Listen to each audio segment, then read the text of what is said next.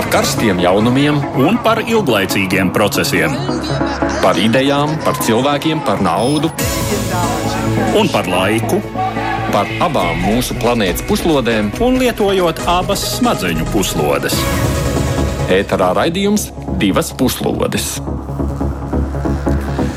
Mūsu ierastais raidījuma signāls, tātad laiks ir ikdienas raidījumam, kas veltīts starptautiskiem notikumiem. Studijā esmu es, Aits Tamsons, un pie klausulas šajā pandēmijas laikā otrs raidījuma līdzautors Eduards Liniņš. Sveiks, Eduard! Esiet sveicināti! Šodien divās puslodēs mēs plašāk runāsim par šādiem tematiem. Janmā militārās kuntas stingrā roka rada arvien lielākus upurus. Protesta akcijās pret apvērsumu bojā gājuši jau daudzi simti, un neizskatās, ka cilvēki būtu gatavi pakļauties un samierināties. Tikmēr militāristi rīkotajā parādās, parādē starp citiem kundas atbalstītājiem varēja redzēt arī Krievijas pārstāvi, par ko tas liecina. Visa pasaules uzmanība pagājušā nedēļā tika pievērsta Suecas kanālam, kur liels kravas kuģis bija nosprostojis satiksmi, izraisot milzīgu preču sastrēgumu un radot miljoniem dolāru lielus zaudējumus katru dienu. Cik gan pasaule var būt ievainojama pat no vienas neveiksmīgas kuģa avārijas. Atsveicināsim zināšanas par šo tik svarīgo jūras ceļu un tā nozīmi globālajā preču apmaiņā. Bet sāksim raidījumu ar notiekošo Baltkrievijā. Pēc rudenī rīkotajām prezidenta vēlēšanām un vairāk nekā pusgada neveiksmīgas cīņas ar Lukašenko režīmu, opozīcija ir censies atsākt protesta akcijas. Kas notiek šajā kaimiņu valstī tagad? Klausāmies vispirms ierakstu. 25. martā Minskas ielās atkal izgājuši tūkstoši protestētāju, tā izbeidzot pāris mēnešus ilgo ielu demonstrāciju pārtraukumu. 25. mārts ir oficiālā režīma neatzīta atceres diena, datums, kad 1918. gadā tika pasludināta Baltkrievijas Tautas Republikas nodibināšana, kas bija neveiksmīgs mēģinājums Pirmā pasaules kara izskaņā radīt nacionālu Baltkrievu valsti. Uz protesta akcijām šai dienā Baltkrievus aicināja arī trimdā esošā opozīcijas līdere Svetlana Tihanovska. Tiek lēsts, ka protestos piedalījušies vairāki tūkstoši, vairāki simti tikuši aizturēti. Tāpat pirms nedēļas Baltkrievijas varas iestādes apcietinājušas vairākus Baltkrievijas poļu savienības vadītājus, tā skaitā savienības priekšsēdētāju Anģeliku Borisu, izvirzot apsūdzības naida kurināšanām.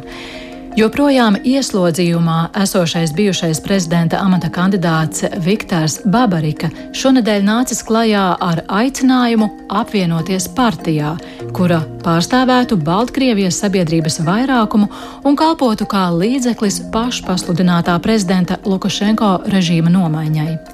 Kā paudis Babarika, viņš līdz šim uzskatījis partijas par mūsu gadsimtam neatbilstošu politisku parādību, taču Baltkrievu tautas kustība kustība pierādījusi, ka viņš kļūdījies. Savukārt Svetlana Tihanovska izvirzījusi iniciatīvu uzsākt sarunas ar starptautisku vidutāju piedalīšanos starp režīma pārstāvjiem un opozīciju, šai nolūkā organizējot tautas nobalsošanu tīmekļa platformās. Tiek ziņots, ka situāciju Baltkrievijā 30. marta video konferences sarunās apsprieduši arī Francijas prezidents Emmanuels Macrons, Vācijas kanclere Angela Merkele un Krievijas prezidents Vladimirs Putins, gan netuvu kā galveno jautājumu. Mūsu raidījumam pieslēdzies šobrīd arī politologs Andris Kudors. Labdien! Labdien! Kā jūs raksturot pašreizējo situāciju Baltkrievijā? Par ko tā liecina, Andi? Tā liecina par to, ka autoritārie režīmi tik viegli nepadodas, un tie iet zinām tādu uh, tehnoloģiju izmantošanu un tādu advans, savu režīmu advancēšanas ceļu. Uh, es domāju, viens no paraugiem bija Ķīna, kas demonstrēja, ka pat pie tik liela iedzīvotāju skaita, pat iedodot arī zinām brīvību uzņēmējdarbībai, kas, protams, ir ļoti labs rezultāts devusi kopumā Ķīnas ekonomiskai izaugsmai. Uh, salīdzinājumā teorētiski ar to, kas tur būtu bijis, ja viņi būtu turpinājuši Marksa ceļu un teikt, ka privāti īpašumā nekas nedrīkst būt. neskatoties uz šo visu, Ķīna ir demonstrējusi, ka ar tādu big data, jā, ar, ar, ar lielu datu apstrādi uh, gan no sociālajiem tīkliem, gan no novērošanas kamerām, gan savu uh, spiegu tīklu izmantojot, var, var diezgan labi noskaidrot gan sabiedrisko viedokli, gan individus, kas ir gatavi uz kaut kādām masākām darbībām. Jā, Baltkrievijā, iz... Baltkrievijā ir tāda pati izsakošana?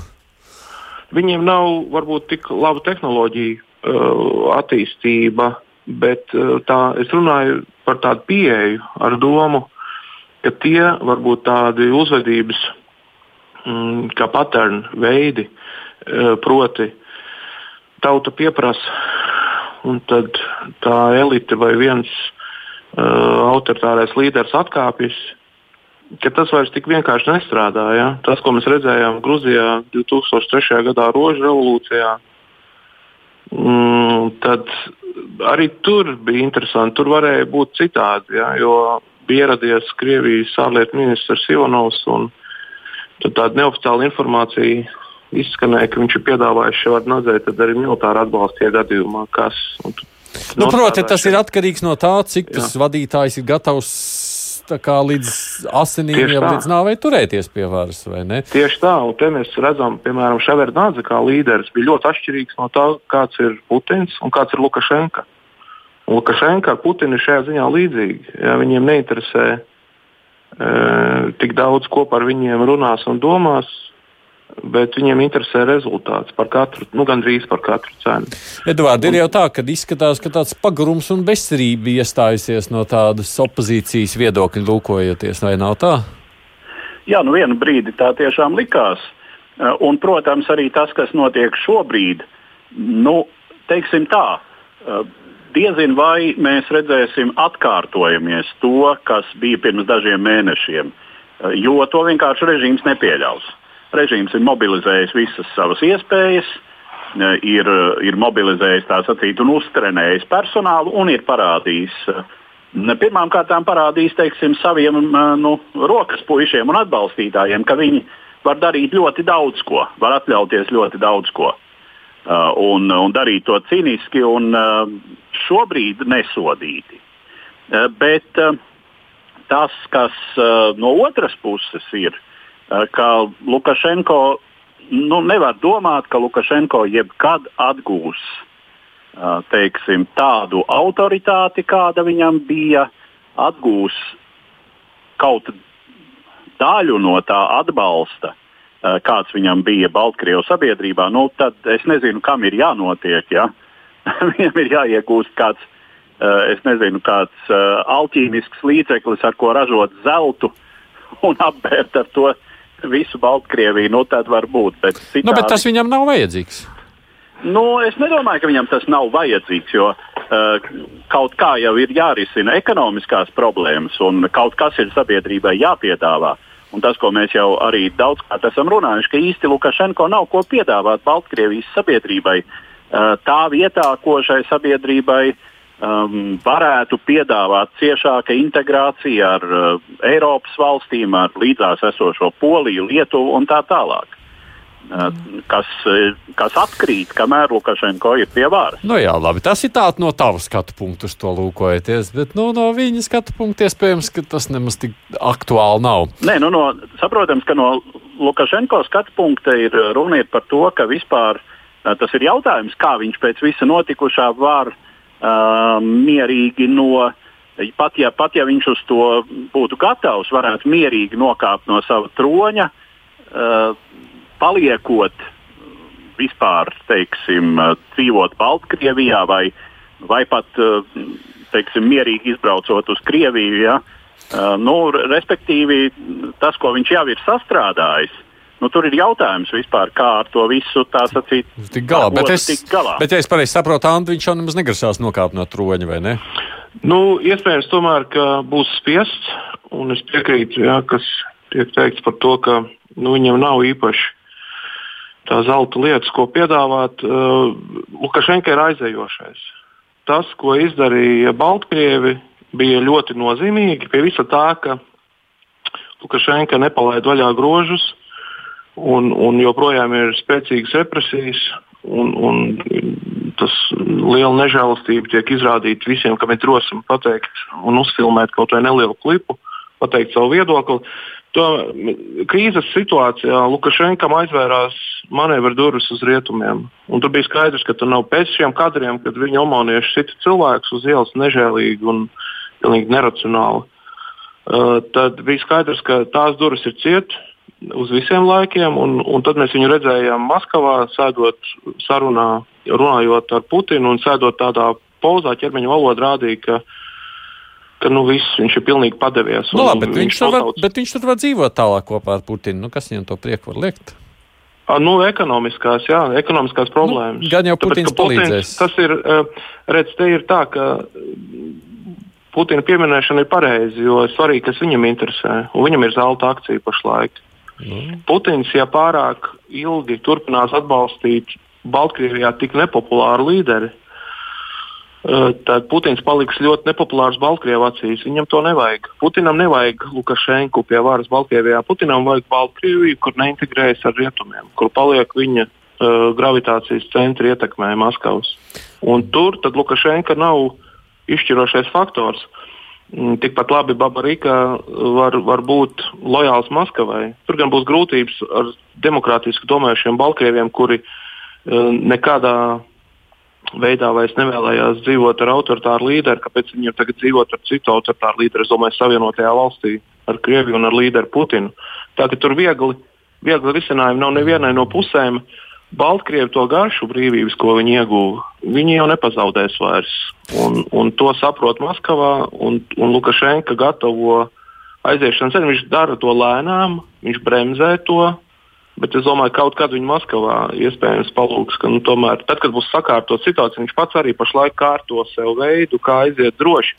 droši tas ir ļoti izaicinoši. Ir grūti šādiem līderiem aiziet droši un pēc tam neiesēsties cietumā. Jā, klausies, tev Edvards saruna ar vienu kolēģi, žurnālistu. Jā, jā man, man tā ir saruna ar uh, Baltkrievu žurnālisti. Jā, man tagad ir jāatvainojas, ka es nevaru nevar momentā atrast. Viņai uzvārdu mēs arī neminēsim. Palika Jana, ja es pareizi atceros nu, vārdā, vai ne? Jā, viņa, viņa, gan, viņa gan neiebilst droši vien pret uzvārdu minēšanu, jo viņa jau labu laiku, jau kopš augusta uzturas Lietuvā, kur viņa bija devusies um, ar domu, ka viņa uh, drīz brauks atpakaļ mājās, bet šī prombūtne, šī trimda, jāsaka tā, uh, ieilga um, politiskās situācijas dēļ šķiet, ka šobrīd viņa vairs Baltkrievijā droši atgriezties nevar, kaut vai tāpēc, ka viņa ir strādājusi un joprojām strādā kā brīvprātīgā Svetlānas Tihanovskas šai darba grupā, jeb mm -hmm. to pat var tēvēt par štābu, eh, kas ir pamatā dislocēts Lietuvā. Bet, nu labi, lai uzvārds paliek, mēs tad klausāmies interviju ar Jānu. Как вам видится нынешняя ситуация? Kā jūs redzat pašreizējo situāciju?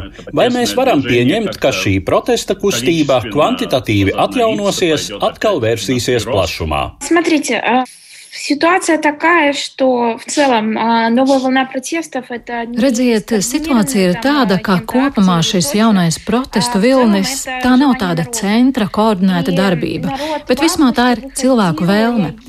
Arī augustā cilvēki izgāja ielās, reaģējot uz notikumiem, reaģējot uz netaisnību un nelikumību, kas faktiski turpinās. Represijas tikai pastiprinājās. Tagad gan mēs nerunājam par tādu vardarbību, kāda tā bija no 9. līdz 12. augustam bet represijas pastiprinās. Notiek pastāvīga cilvēku vajāšana tiesas ceļā, tiek piespriesti reāli krimināli sodi. 16-gadīgam pusaudzim ir piespriesti 5 gadi par it kā piedalīšanos akcijā. Šobrīd valstī ir 322 politieslodzītie, tūkstošiem cilvēku tiek tiesāti. Pieskaitiet tam vēl, un tas vēl palielina acīm redzamo ekonomisko krīzi valstī, tātad situācija tikai pasliktināsies. Var piebilst, ka režīms šobrīd vajā konkrētas cilvēku grupas. Te ir runa par žurnālistiem, masveidā atņem licences advokātiem, vajā ārstus. Kopš nesena laika ir sākušās nacionālo minoritāšu vajāšanas. Piemēram, ir arestēta Poļu Savienības vadītāja Anģelika Borisa. Tāpēc iemeslu protestiem un pilsoniskās nepakļaušanās akcijām ir ļoti daudz. Es personīgi, vērojot situāciju no Lietuvas, gan nesaskatu, ka šobrīd būtu iespēja sarīkot tādus pašus daudzu tūkstošu gājienus, kādi tie bija augustā. Taču protesti nemazinās, tie tikai iegūst jaunas formas, radošākas. Tas, kas notiek kopš augusta, ir solidaritātes ķēdes, memoriālu veidošana. Tā ir pilsētu teritoriju atkarošana režīmam, teiksim, izkarot karogus, izlīmējot uzlīmes un veicot citas akcijas. Tā ir arī Baltkrievijas iedzīvotāju solidaritāte un savstarpēja palīdzība, tostarp soda naudas nomaksāšana par tiem, kam tā piespriesta ar dažādiem absolūti nesaprotamiem tiesas lēmumiem. Tā ir palīdzība streikojošajiem strādniekiem, kā arī aģitācija, iedzīvotāju informēšana. Tā ir tā sauktās iekšējās ekonomiskās sankcijas, streiki, boikots režīmu sponsorējošo uzņēmumu produkcijai. Tā ir arī līdzekļu izvešana uz ārzemēm. Tā ir arī pilsoņu paša organizēšanās, pašpārvalde, kad pilsoņi sāk saskatīt, ka mums nav vajadzīga vara, nav vajadzīgs režīms, lai sakārtotu savu dzīvi, veidotu kādas pilsoniskas apvienības. Tāpat cilvēki tagad cenšas pēc iespējas norobežoties no režīma un propagandas. Un tas viss ir iespējams masu represiju apstākļos, kad 25. un 27. martā, cik es uzzināju no Telegram kanāla informācijas, Minskā ielās tika izsūtīti 2,5 tūkstoši vietējo kārtībnieku, un vēl 2,5 tūkstoši bija izsaukti no reģioniem. Un tajā pašā laikā režīms saka, ka nesot bijis neviena protestētāja, taču aptuveni 500 cilvēku tika aizturēti. Tas ir, mēs atgriezāmies pie aizturēšanas statistikas, kāda bija oktobrī un novembrī. Es domāju, ka protesti turpināsies, un jo vairāk situācija neuzlabosies, bet tikai pasliktināsies, jo vairāk cilvēku ar konkrētu rīcību paudīs savu nepiekrišanu režīmam. Un var redzēt, ka režīms no visa tā baidās. Tagad viņi apsargā jumtus, lai cilvēki tur neizkārtu karogus, kā arī apsargā sarkanzaļos oficiālos karogus, kurus drošības spēki izkāruši, lai ļaudis tos nenoņemtu.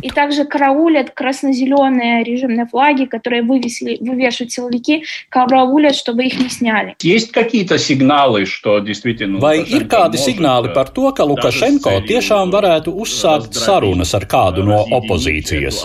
Teiksim, lai šo opozīciju sašķeltu vai lai iegūtu laiku. Лукашенко, конечно же, тянет время. Говорили уже о конституционных реформах. Lukašenko, protams, tagad velk laiku. Jau labu laiku tiek runāts par konstitucionālajām reformām. Tas viss tiek vilkts garumā. Pie tam Lukašenko vairo politieslodzīto skaitu, kā arī, kā jau teicu, sāk vajāt nacionālās minoritātes. Un tas tiek darīts, lai būtu iespēja tirgoties, izmantojot šos politieslodzītos vai, teiksim, iespēju tirgoties ar poļiem, izmantojot minoritātes situāciju. Taču par sarunām sarunām ar Lukašenko vairs nav runa. Kopš rudens daudzas valstis, praktiski visas Eiropas valstis un ASV viņu vairs neatzīst kā valsts vadītāju. Mēs runājam par sarunām ar režīma pārstāvjiem. Tas varētu būt kāds no prezidenta administrācijas, no varas bloka, amatpersonām. Un kas ir ļoti svarīgi, Krievijai būtu jāatbalsta šī sarunu iniciatīva. Mēs redzam, ka Krievija tagad ir vienīgais atbalsts Lukašenko režīmam. Un tāpēc ir ļoti svarīgi, lai Krievija atbalstītu sarunas kā mierīgu risinājumu, pakāpenisku izēju no krīzes. 30. martā notikušajā Makrona un Merkeles videokonferencē ar Putinu arī tika runāts par šādām sarunām. Un mēs jau redzam, ka daudzas valstis, Amerikas Savienotās valstis, Francija, Vācija, Lielbritānija, Norvēģija, Šveice, kā arī Eiropas drošības un sadarbības organizācija ir atbalstījušas Svetlanas Tihanovskas iniciatīvu starptautiski novērotu sarunu organizēšanai. Savukārt platformā Golos par dialogu jau nobalsojuši vairāk nekā 760 tūkstoši Baltkrievu. Tātad šādas sarunas, tā ir ļaužu griba, bet mēs tiešām runājam par sarunām starp demokrātiskiem spēkiem un režīmu pārstāvjiem. Pēc visa, kas notika augustā un pēc tam, cilvēki nepiedos Lukašenko viņa noziegumus. Kad viņa amatpersonas drošībnieki teica, ka varot šaut protestētājiem tieši sejā, ka ir jāizveido nometne, kā viņi izteicās, liekajiem cilvēkiem. Saprotiet, tautas pacietības slieksnis Lukašenko rīcībai jau ir pārkāpts. Varbūt, protams, cilvēki vienkārši gribēs, lai viņš aiziet ar kādiem nosacījumiem, taču es domāju, tas, par ko mēs runājam, ir, ka viņu vairs negrib ņemt vērā, negrib ar viņu runāt. Man šķiet, mēs jau kaut kā mentāli esam principā izslēguši Lukašenko no šīs sarunas formulas. Nu, tā žurnāliste Jāna, kas dzīvo šobrīd, tā sanāk, ka dzīvo Viļņā. Mēs ar, par Baltkrieviju neturpināsim, tāpēc, ka laiks ir arī nākošiem tematiem pievērsties.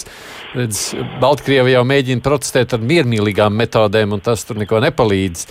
Mjanmā arī cilvēki šķiet mēģināja līdzīgi protestēt, tikai tur tā spēka struktūra daudz brutālāka. Mums ir jārunā par notiekošo Mjanmā tālāk. Pēc vakar notikušās apvienoto nāciju drošības padomes slēgtās sēdes ANO īpašā sūtne Mjanmā Kristīne Šrānere Burgenere paziņoja, ka situācija šai valstī draud ar pilsoņu karu un asinspirti. Ģenerāļi, kuri sagrāba varu militārā apvērsumā 1. februārī, izrādījušies acīm redzami nespējīgi kontrolēt situāciju un sagaidāma tikai tālāka vardarbības eskalācija. Viss liecina, ka šis ANO pārstāves vērtējums atbilst patiesībai. Nu jau ilgāk nekā mēnesi armija pret protestētājiem laiž darbā kaujas munīciju, un 27. martā līdz šim asiņainākajā pretstāves dienā tika nogalināts 141 cilvēks, kopējam nepārprotami apstiprināto upuru skaitam sasniedzot 536. Taču varas brutalitāte, kā šobrīd šķiet, tikai uzkurina opozīcijas apņēmību. Protestētāju vidū parādījušies bruņoti ļaudis, un otrdien trīs reģionālās nemiernieku grupas paziņojušas, ka pārtrauks līdzinējo pamieru ar valdību un apvienos spēkus bruņotai cīņai, ja vara nepārstās slepkavot civiliedzīvotājus. Hunta uzsākusi akcijas pret separātiskajām minoritātēm, pirmo reizi 20 gadu laikā bombardējot nemiernieku dislokācijas rajonu Karenas provincē. Kā rezultātā apmēram 3000 cilvēku bēguši pāri robežai uz Taizemi.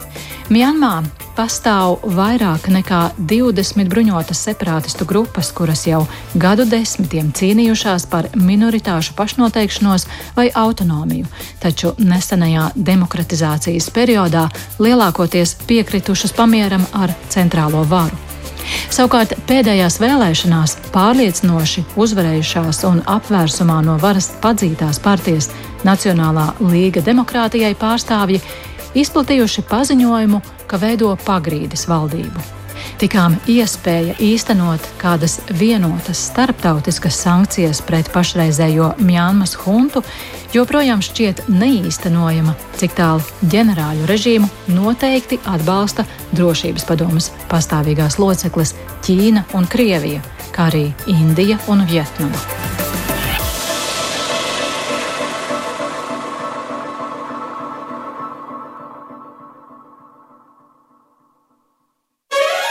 Divas puslodes. Atgādījumi pie klausulas ir raidījuma līdzautors Edvards Liniņš un politologs Andris Kudors. Un šobrīd mums pievienojies vēl viens kolēģis no laikraksta diena. Viņš arī ir vēl viens Andis. Andis Tedlnieks, sveiks, Andi! Pāri par pustūkstotu bojā gājušo. Tie skaitļi ir biedējoši. Tavuprāt, būs vēl trakāk?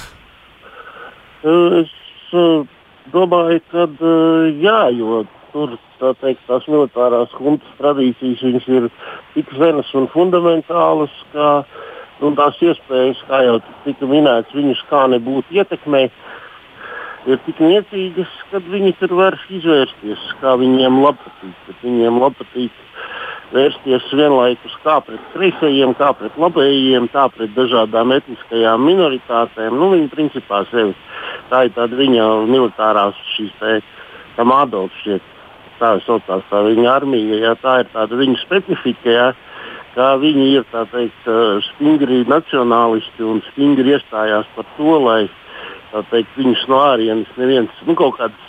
Kā viņi uzskata, nepareizas idejas. Vispirms tie bija visādi kreisie komunisti, tagad tie ir visādi liberālo ideju nesēji, iesauktos, lai, lai tā teikt, viņus netraucētu. Un, un viņus ietekmēt ja kāds grib tur iejaukties, uh, pirmkārt ir ļoti grūti viņus ietekmēt ekonomiski, no viņiem ļoti maz kas ir atkarīgs, ja neskaidrs gāzes piegādes Ķīnai.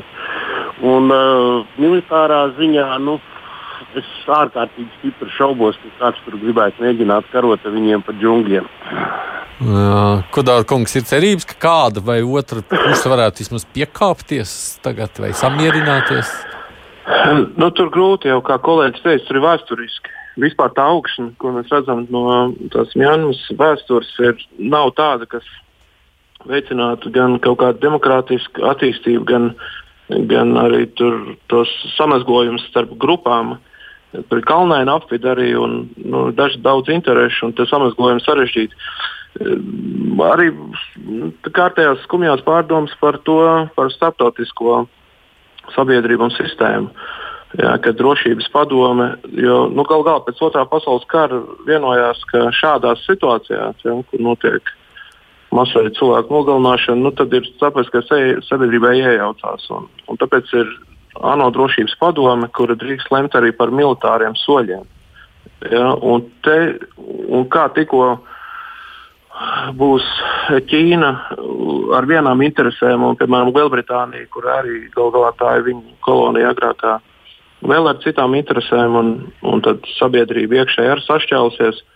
Tad ir grūti atrast kaut kāds normāls risinājums. Tad tur bija ziņas par to bombardēšanu noteiktā rajonā, un tas normālais ANO drošības padomus lēmums varētu būt par gaisa telpas kontroli, jā, aizliegumu lidot nu, jautājums tagad, vai tas būs iespējams. Tas, ka tur pieslēdzās vēl Krievija tādā vai citā veidā, tad Krievijai pašlaik ir jā, jātēlo sirsnīga draudzība ar te netīkamo Ķīnu.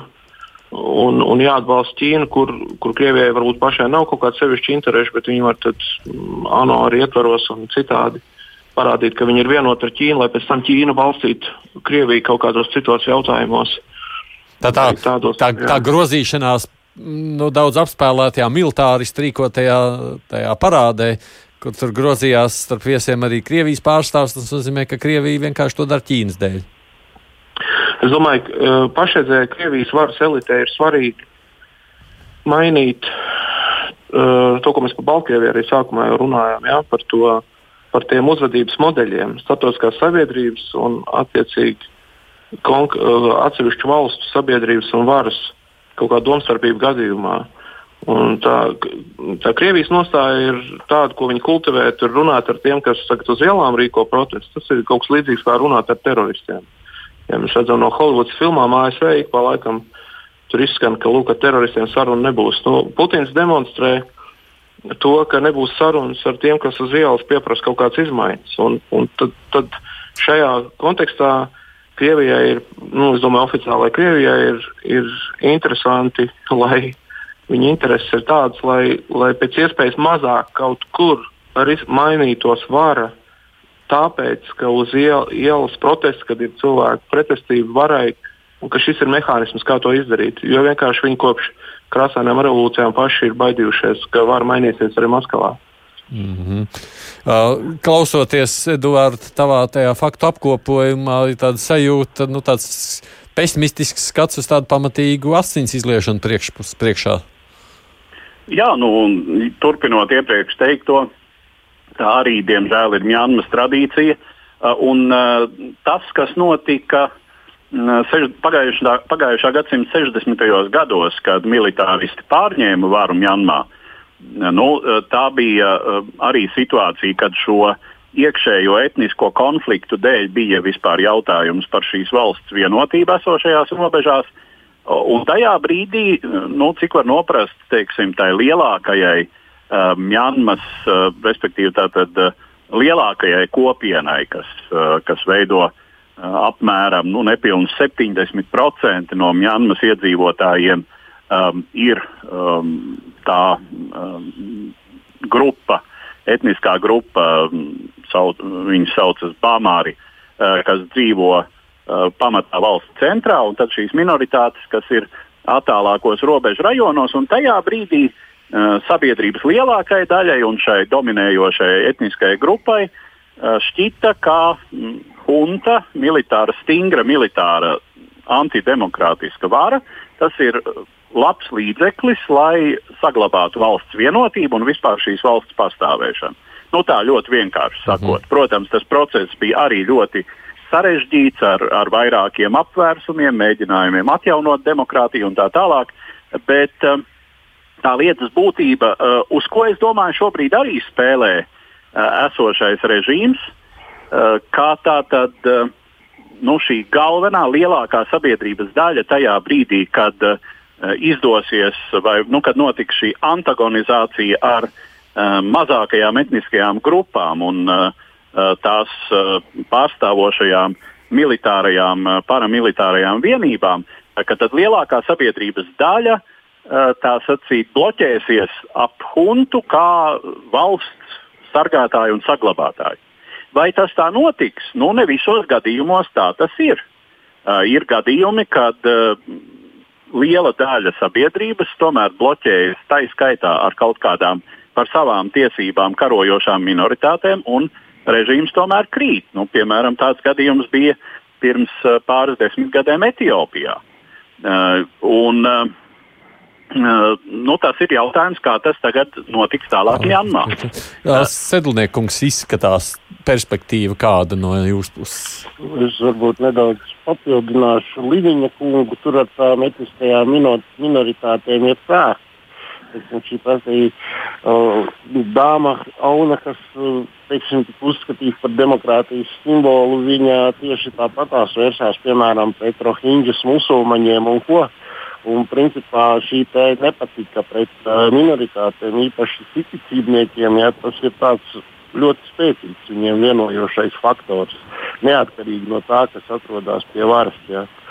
Un es, uh, teiksim, es, principā, es domāju, ka tas ir uz pesimistiski domāju, ka tas ir uz ilgu laiku, jo, kā jau es minēju, viņiem neko būtisku. Ja. Uh, šo režīmu necik būtiski ietekmēt nevar. Un sliktākajā gadījumā džungļos var izaudzēt daudz narkotiku, kurus pārdot un teikt, uzturēt ekonomiku. Un ir jāņem arī vērā, ka armija, kā tas ir šādās valstīs, tas būtībā ir ne tikai armija, esotos, tas ir, ir vesela valsts, valstī, biznesa impērija, nu, viss, vis, kas piederās, sociālie lifti un, un tā tālāk. Un viņi var pastāvēt ļoti ilgi.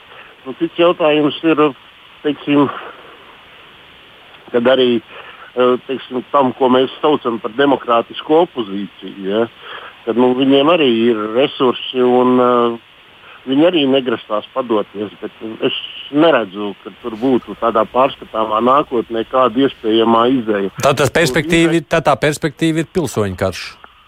Nu, nu, es domāju, ka visnotaļ, ievērojot to tā sacīt degmateriālu, kas tur uz vietas ir, um, un gadu desmitiem ilgas šādas tradīcijas, um, domāju, ka tas būs pilsoņu karš un um, varētu būt vairākus gadus ilgs. Es te man īsti piebildu par to, redz, viņiem bija novembrī gal galā pagājušā gada vēlēšanas, ja, un uzvarēja tā, tas Nacionāla līga par demokrātiju. Ar to UNUS nu, vadībā. Bet nu, tad huntai, huntai bija maz, teiksim, tā, tā brīdī viņas nevarēja nosaukt par huntu, bet tātad tiem, kas tie ir uh, militārās sfēras pārstāvi, viņi dabūja maz balsu.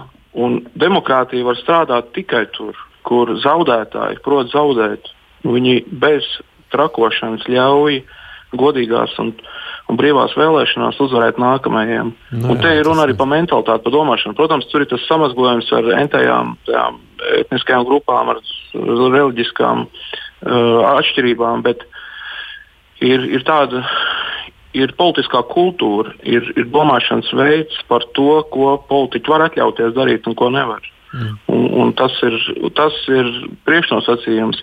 Diemžēl daudzkārt ir izskanējis, un sevišķi 90. gados, ka li, liberālās demokrātijas veidotājiem bīdē jebkur, kur īstenos likumus un izveidos institūcijas, demokrātija strādās. Bet tas nav automātiski. Lūk, ir gadījums, notiek vēlēšanas un vienkārši netiek, netiek uzvarētājiem netiek ļauts būt uzvarētājiem. Tas ir arī mentalitāte. Mm -hmm.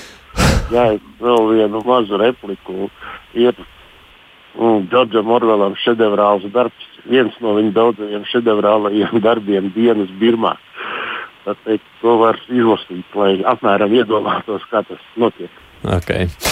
Runājot par pagājušās nedēļas notikumiem, ir jāatzīst, ka mediji cieši uzmanība bija pievērsta vēl kaut kam tādam, kas nav saistīts ar konfliktiem. Un te ir runa par Suecas kanālu. Mēs par pašu Suecu neesam redzījumā runājuši, tāpēc ir vērts palūkoties, kā viens kuģis var radīt tādus izaicinājumus. Paklausīsimies vispirms faktu apkopojumu. 23. martā vairāk nekā 400 metrus garais konteineru kravas kuģis Evergiven Netiekot galā ar pēkšņu vēja brāzmu, ar abiem galiem iestrēga Suecas kanāla krastos, nosprostojot šo ūdens ceļu. Kuģa atbrīvošanas operācija, izmantojot smilšu atsūknēšanas kuģi, ekskavatorus un velkoņus, prasīja sešas dienas, kuru laikā pie kanāla izējām Sarkanajā jūrā un Vidusjūrā izveidojās kuģu sastrēgumi ap 350 peldlīdzekļu kopskaitā. Šī situācija vēlreiz akcentēja to, cik nozīmīgs starptautiskai tirdzniecībai ir pirms vairāk nekā 150 gadiem izbūvētais Suecas kanāls. Pēc raidsabiedrības BBC ziņām tranzīts cauri tam veido apmēram 12% no planētas tirdzniecības apgrozījuma. Tā skaitā apmēram 8% no sašķidrinātās dabasgāzes piegādēm. Tieši zaudējumi Eģiptei neieņemto tranzīta nodevu veidā ir apmēram 15 miljonu dolāru dienā. Atcaucoties uz vācu apdrošināšanas kompāniju Allianz, BBC vēsta, ka kopējie zaudējumi pasaules tirdzniecībai varētu sasniegt 10 miljārdus dolāru un samazināt globālo ekonomikas izaugsmi par 2 līdz 4 procentu desmitdaļām. Suecas kanāla būvdarbi tika pabeigti 1869. gadā, un kopš tā laika kanāls ir kalpojis kā ļoti nozīmīga tranzīta artērija, kas ļauj par 3,5 tūkstošiem jūras jūdžu, jeb vidēji 8 dienām, saīsināt jūras ceļu no Āzijas uz Eiropu. Kopš uzcelšanas kanāls bijis arī ģeostrateģisku interešu degpunktā, tā skaitā izraisot tā saucamo Suecas krīzi 1956. gadā. Toreiz Lielbritānijas un Francijas mēģinājums ar militāru spēku paturēt kontroli pār kanālu, kuru Eģiptes valdība nacionalizēja, izraisīja globāla konflikta briesmas, kad Padomju Savienības līderis Nikita Hruščovs piedraudēja iesaistīties karā Eģiptes pusē. Tad senāk Suecas kanāls pieder Eģiptei, ja? kā kanāls. Un tad pasaule ļoti atkarīga no Eģiptes. Jā, nu pasaule ir atkarīga no dažām uh, valstīm, kuras atrodas strateģiskos punktos. Nu, šajā gadījumā, jā, tiešām uh, Eģiptes valdība uh, ir uh, šī kanāla kontrolētāji. Jāsaka, gan kā ir, ka Eģipte uh, nu, tā, nav nav centusies vismaz pēdējās desmitgadēs izmantot šo situāciju kaut kā citādi, kā vien gūstot no tā ienākumus savam nacionālajam koproduktam. Apmēram 2% no Eģiptes valsts ieņēmumiem veido tranzīts caur Suecas kanālu. Mm -hmm. Kāpēc mēs esam, Sedlnieks tik ļoti atkarīgi no viena kanāla? Nu, tas ir tāpēc, ka tur turien iet galvenais maršruts no Āzijas uz Eiropu. Tam teiksim, kravu pārvadājumu maršruts. Nu, visi pārējie teikt, ir šobrīd teiksim, nu, divas iespējamas alternatīvas. Ir braukt vai no apkārt Āfrikai, vai arī pa Ziemeļjūras ceļu. Āfrika tas ir tālāk, Ziemeļjūras ceļš, tas ir ar Krieviju. Tur ir uh, vajadzīgas, uh, vajadzīgi ledus klases kuģi, kādu katastrofāli nav un arī tā, specifiskas zināšanas par kuģošanu, kādu arī nav, jo pamatā viņi notiek. Nē, nu viņi ir Krievijā, ja, stotās, un vēl Ziemeļvalstīs, ja, bet šo zināšanu nav. Teiksim, Ja, kā mēs redzam, šis pats Weber Givens, ja viņi apkalpu sastāvēja no indiešiem. Nu, jautājums, no kurienes lai indiešu jūrniekiem rastos zināšanas par kuģošanu Arktikā. Tāpēc mēs arī esam atkarīgi. Viens ir garāk, un par otru vienkārši nav, at, nu, nav starptautiskas, starptautiskas iespējas šo ceļu mm. attīstīt. Nu, cik es saprotu, tur arī nekādas citas alternatīvas iespējams nemaz nav, vai ne? Ir nu, tikai... Trīs iespējas ir. Nu, tās pieminētas. Kanāls Āfrika un Ziemeļjūras. Jā, jā, jā. Nu, kas nozīmē, es nezinu, protams, skatoties no tāda terorista viedokļa, tur taču vajadzīgi būt īpaši modrībai, nepietiek tur kaut ko izdarīt un visu pasauli brūk kopā. Jā. nu, jā, no Eģipte jau arī velta, cik zināms, diezgan liels pūliņus nodrošinot šo kuģošanas drošību mm. šī kanāla zonā.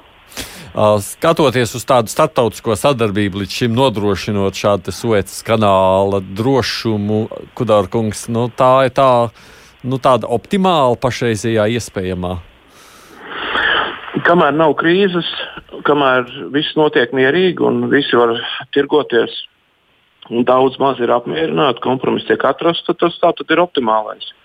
Ja kāda valsts to ķepu pārāk stingri grib, grib uzlikt savai geogrāfiski e, ekskluzīvajai situācijai, nu, tad tur parasti sākās, uh, sākās rīvēšanās. Tas vārds ģeopolitika ir tāds labs. Viņš uzpeld šajā situācijā, ar, ar, atgādināšu, ja, kā tas jēdziens ir radies. Tā ir geogrāfiskā politika. Tātad geogrāfiskie faktori, kas ietekmē politiku. Un tas tur tie, kad 19. gadsimta beigas, 20. gadsimta sākumā, kad kad sāk spriest par jūras valstīm, un tur bija tāda klasiķa, Makinders. Tad pēc kaut kādā brīdī, pēc otrā pasaules kara jau, es to vārdu nelietoju, sāk smaidīt drusciņi. Jo tur bija arī visādas, ne tikai smaidīt, bet bija arī bīstamas idejas, kā Haushoferam, kas it kā ietekmēja Hitleru par, par dzīves telpu un tādām lietām. Un šie geogrāfiskie faktori ir mazinājušies, ņemot vērā tās pašas tehnoloģijas un kara darbības īpatnības. Jā, aviācija tagad aizlido visur, un vairs nekāda kalna neko neapstādina kā senos laikos. Tomēr, tad, kad notiek šāds gadījums kā tagad, tad, tad hop, mēs pēkšņi atceramies, ka ir, ir kaut kādi vārīguma punkti, kur noteiktām valstīm ir kaut kādas ļoti liels priekšrocības. Bet, ja ir miers, ja notiek tirdzniecība, neviens jau kaut kā mākslīgi, nu, ja Eģipte sāktu šantažēt citus, nu tad paši Eģipti šantažētu atkal. Mm -hmm. Ne šantažēt, bet piespiestu. Jā, atcerēties, ka viņai ir kaut kur citur arī intereses, kas atkarīgs no citiem. Mm -hmm. Tirzniecība un tāds tirgus jau darbojas tā, ka atrod kaut kādu kopsaucēju, kas, kur visi intereses sastopās. Es nedomāju, ka te būs kaut kāda pārskatīšana. Uh, to, to jūras tiesību un tam līdzīgi lietu. Es domāju, viss ies kā pa vecam, tikai ir atgādinājums, cik pasaule ir trausla, cik ekonomika ir trausla. Un tas, ko tu pieminēji par uh, terorismu, jā, tas ir vārds vietā. Un pat, ja tagad mēs sākam analizēt, ko tik var izdarīt, jā, tad īstenībā mēs diezgan nervozi palikt, jā, jo mm. pasaule ir varbūt pat trauslāka nekā mēs ikdienā par to domājam. Tā sanāk, ka viens kuģis tam līdzīgi var daudz ko izdarīt. Laura prasa, vai nekas nav zināms par šī kuģa kapteiņu, jo nekur presē nesot atrast informāciju, kas tad bija pie šīs kuģa stūres šajā notikumā kuģis sastāvēja no indiešu ekipāžas, un kuģa kapteinis tieši tāpat bija Indijas pilsonis. Tas arī principā ir viss, kas ir zināms. Mm -hmm. jā, nu, jā. jā. un varēja presē lasīt, ka kapteinis ir teicis, ka braucām, viss bija mierīgi, un tad pēkšņi vējš uzpūta. Un, bet nu, tas tā varētu būt. Um, un, uh, protams, tagad ir jautājumi uh, par to, kā šo situāciju, nu, ko no tā mācīties. Nu, droši vien būs, starp citu, domas par kaut kādiem tehnoloģiskiem risinājumiem. Uh, kanāls visdrīzāk uh, varētu tikt uh, paplašināts, kas, protams, maksā ļoti lielu naudu. Un te ir jautājums, visdrīzāk Eģiptei šādas naudas nav. Uh, pirms kāda laika uh, tika paplašināts um, Panāmas kanāls. Mm -hmm. uh, nu, Eģiptē, Suecas kanālam tas varētu būt salīdzinoši vienkārši, vienkāršāk, jo uh, um, tomēr nu, tā um, tīri tā uh, grunts vai ne. ir vieglāk apstrādājami. Bet, bet nu, jā, tad iespējams, ka tiks domāts par to, kā finansiāli veidot kaut kādu schēmu. Jo nu skaidrs, ka Eģiptes valdībai kā tādai par spīti visiem ienākumiem nav tādas naudas, lai uh, tehniski un finansiāli to nodrošināt. Nu, te Jānis raksta, vajadzēja Eģiptes kanāla valdības bezatbildību palaist tik lielu kuģi smilšu vētrā bez velkoņa atbalsta. Taču ir augsts neprofesionāli. Nu, varbūt arī kaut kādas tādas secinājumi tur tiks darīti. Nu, es... No. Tur jau jā, tur kādas tehniskas lietas varbūt tiks pilnveidotas. Varbūt nedaudz papildināšu. Pirms dažiem gadiem tika paplašināts arī Suecas kanāls, bet ne pilnā garumā tika izveidota jauna gultne, bet uh, tur bija tā, ka es sapratu, visam kanālam pilnā garumā viņiem naudas nepietika. Šis PVR giveni viņi ļoti veiksmīgi iesprūda tieši tajā vietā, kur nav paplašināts. Nu jā, tā tas ir. Bet vispār uh, uh, ir daudz tādu pasaules mēroga infrastruktūras objektu, kas mums ir tikpat līdzīgi svarīgi kā šis. Nu, nu, Panamas kanāls. Panama. Tas, ir, jā, tas ir otrs, kas uzreiz nāk prātā. Laikam, um, ja tā domā, tad Nu, vēl varētu, nu, salīdzinoši, protams, krietni mazāk, bet, bet tad Bospors un Dardaneļa un, Jā. un Gibraltārs, ne, kas ir tie šaurie punkti. Starp citu, ja mēs tā uzmetam acis uz vidusjūru, tad nu, tur, tur šie punkti ir vislielākajā koncentrācijā, ko nosaka tas, ka laikam jau tas ir vēsturiski senākais vispār tirdzniecības ceļš, kāds vispār pastāv un kāds cilvēcei vienmēr ir bijis aktuāls. Eiropa un Āzija. Jā, Sedlnieks tur kaut ko vēl minēja. Jā, Malakas šaurums pie Āzijas krastiem. Tur vispār ir 40% visas pasaules tirzniecības. Oh. Jā, Tas ir vēl nu vairāk. Jā, jā. Bet vispār Sueca līdz šim cik bieži pievērš uzmanību ar līdzīgiem izaicinājumiem kā šis? Ļoti reti man šķiet tādu, šādu gadījumu uz dažām, uz, pirms dažiem gadiem bija uz dažām stundām viens kuģis aizķēries. Bet tas uh, vairāk šādu mērogu incidentu šķiet arī nav bijis. Pēdējo reizi kanāla darbība tika apturēta tajā pašā 56. gadā, kad, bet, ne, ar Izraēlas karu laikā, bet tad tur atradās frontes līnija. Kanāls bija frontes līnija, un tad nācās vienkārši uz laiku apturēt viņa darbību. Jā. Man te Jānis precizēja, ka Panamas kanālu nevis paplašināja, bet padziļināja. Nu, dziļums arī svarīga lieta. Nu, e, Jā. viss jau mainās, tad kuģi paliek lielāki. Tas, kas kādreiz derēja, tas vairs nedara. Nu, arī tiesa, jā. Un, uh, nu, tādi izaicinājumi cilvēcei parādās pastāvīgi. Kad kaut kas ir attīstījies teiksim, ātrāk nekā kaut kas cits. Šajā gadījumā, jā, protams, ka to kanālu būvēja neviens īsti nevarēja iedomāties. Uh, pasaulē kādreiz būs. Nu, vai iedomāties varēja, bet tobrīd tā bija. Uh, Tuvu fantastikai, teiksim, jā. šāda izmēra kuģi. Nu, paldies, es jums saku, mums ir jābeidz. Andris Stedlnieks ir mūsu kolēģis, kas raksta laikrakstam Diena, Andris Kudors, politologs, Edvards Liniņš, raidījuma līdzautors. Paldies jums par piedalīšanos raidījumā. Es to saku tāpēc, ka mums vēl ir uh, raidījumā turpinājumā atvēlēts laiks dažām citām ziņām īsumā. Uh, tādēļ, uh, turpinot savukārt par vēl dažiem citiem mazāk tādiem aktuāliem tematiem, par kuriem, protams, vēl daudz varētu runāt, esam dažas tādas ziņas īsumā apkopojuši. Mēs turpinām tagad ar tām. Eiropas komisija ir nolēmusi sūdzēt Eiropas Savienības tiesā Poliju par reformu, kas komisijas skatījumā grauj tiesu neatkarību. Brisele arī lūgs tiesu izdot rīkojumu par polijas likuma apturēšanu līdz tiesas spriedumam. Eiropas Savienības tieslietu komisārs Didier Renders preses konferencē trešdien sacīja, ka Polijas 2019. gadā pieņemtais likums grauj tiesu varas neatkarību un nav savienojams ar Eiropas tiesībām. Polijas valdošā partija skaidro, ka reforma ir nepieciešama, lai vērstos pret korupciju tiesu sistēmā, kas joprojām nav atbrīvojusies no komunistiskā režīma mantojuma. Savukārt reformas pretinieki apgalvo, ka tās īstenošana rada draudus likuma varai. Saskaņā ar jauno likumu ir izveidota arī disciplinārā palāta, kas pārauga Polijas augstākās tiesas tiesnešus, un palātai ir tiesības atcelt tiesnešu imunitāti, lai nodotu tos krimināla izmeklēšanai, kā arī tiesības samazināt tiesnešiem algu. Eiropas komisija procesu pret Poliju par Savienības tiesību pārkāpšanu sāk jau 2017. gadā, pirms pašreizējā likuma pieņemšanas. Kopš tā laika problēma ir samilzus, un vēršanās Eiropas Savienības tiesā jau sen tika gaidīta. Neizdodas atrast risinājumu politiskajai krīzei Grūzijā. Grūzijas valdošās partijas un opozīcijas sarunās, kas notiek ar Eiropas Savienības starpniecību, joprojām nav rasta izēja no politiskās trupceļa, kas aizsākās ar pagājušā gada vēlēšanām kā trešdien pavēstīja Eiropas Savienības vidutājs Zviedru diplomāts Kristiāns Danielsons, partijas nav spējušas vienoties par kompromisu. Viņa prātā abas puses līdz šim nav izrādījušas vajadzīgo ieinteresētību. Sarunās tika debatēts par vēlēšanu sistēmas un tieslietu jomas reformu, apcietināto opozīcijas līderu atbrīvošanu un pirmstermiņa vēlēšanu sarīkošanu. Šodien bija otrais sarunu rauns.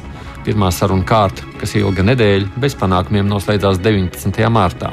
Valdošā partija Grūzijas sapnis noraida opozīcijas pārmetumus, ka tā sabotē sarunas un kaitē Grūzijas centieniem izveidot ciešākas saites ar Eiropas Savienību. Opozīcijas partijas atsakās pievienoties jaunajam parlamentam, šādi mazinot Grūzijas sapņu valdības leģitimitāti. Arī Lietuvas prezidents Gitāns Nausēda ir nosaucis Krievijas vadītāju Putinu par slepkavu. Diemžēl jā. Nausēda sacīs, atbildot uz jautājumu intervijā ziņa aģentūrai BNS, vai viņš, tāpat kā ASV prezidents Joe Bidenis, varētu nosaukt Putinu par slepkavu. Kā intervijā uzsvērs Lietuvas vadītājs, Krievija demonstratīvi nerēķinās ar kaimiņu valstu, piemēram, Ukrainas teritoriālo integritāti redzu daudzas pazīmes, kas liecina par atklātu nospļaušanos, sauksim to tā, uz civilizētās pasaules vērtībām, tautu pašnoteikšanās tiesībām, kaimiņu valstu teritoriālo suverenitāti, un pēdējā laikā Kremlis to ir parādījis visai demonstratīvi. Viņš piepildīs. Vēl viens svarīgs aspekts pēc Nausēdas teiktā ir situācija Krievijas iekšienē, kur režīms acīm redzami dreb, jūtot opozīcijas pieņemšanos spēkā un cenšas to nosmucēt visrupjākajā veidā, vajājot opozīcijas līderus, tā skaitā Aleksēju Navaļnī. Pēc viņa teiktā, Lietuva noteikti nebūs tā valsts, kas vienaldzīgi sēž pēdējā solā un runā par iekļaujošākām attiecībām, tuvu līdzās redzot rupjas cilvēktiesību pārkāpumus. Krievijas opozicionārs Aleksis Navaļnīs rada galvas sāpes ne tikai Kremlim, Divu nedēļu laikā, kad viņš atradās Vladimirs apgabala Pakrovas cietumā, viņam izteikti seši rājieni, bet izmeklēšanas izolatorā, kur viņš tika nogādāts no Maskavas, vēl četri. Saņem divus rājienus un var aizbraukt uz soda izolatoru, bet šis joks ir nepatīkams. Apstākļi tur ir tuvu spīdzināšanai. Savā Instagram kontā norādījis pats Navaļnīs. Izskatīšanā atrodoties kādi 20 ziņojumi, ieskaitot tādus, ka piecēlās no gultas desmit minūtes pirms komandas celties Atteicās iznākt uz vingrošanu, sakot vienības priekšniekam, iesim labāk iedzert kafiju. Atteicās skatīties video lekciju, nosaucot to par idiotisku. Tiekoties ar advokātiem, bija teikraklā. Pagājušā nedēļā Navaļņī advokāta Olga Mikhailova pavēstīja, ka viņš šo rājienu dēļ iespējams nevarēs pretendēt uz nosacītu pirmstermiņa atbrīvošanu. Tāpat viņam var noteikt citus ierobežojumus. Tikmēr protestējot pret medicīniskās palīdzības nesniegšanu, Navaļnīs ir paziņojis, ka uzsāk badu streiku apgalvo opozicionārs, tā vietā, lai ļautu viņu apskatīt neatkarīgam ārstam, administrācija viņu spīdzinot ar miega liekšanu. Jaunā koronavīrusa pandēmija ir par vienu paudzi atsvīrusi atpakaļ iecerēto dzimumu līdztiesību pasaulē. Tā konstatēta ziņojumā, ko trešdien publicēja Pasaules ekonomikas fórums. Ziņojumā lēsts, ka globālās dzimuma līdztiesības panākšanai paredzētais laiks, kas pirms gada bija aprēķināts kā 99 gadi, tagad pieaudzis līdz 135 gadiem. Sievietes pandēmijas laikā ir zaudējušas darbu vairāk nekā vīrieši. Tas daļai noticis tāpēc, ka sievietes biežāk strādā nozarēs, kuras smagāk skāruši pandēmijas dēļ noteiktie ierobežojumi.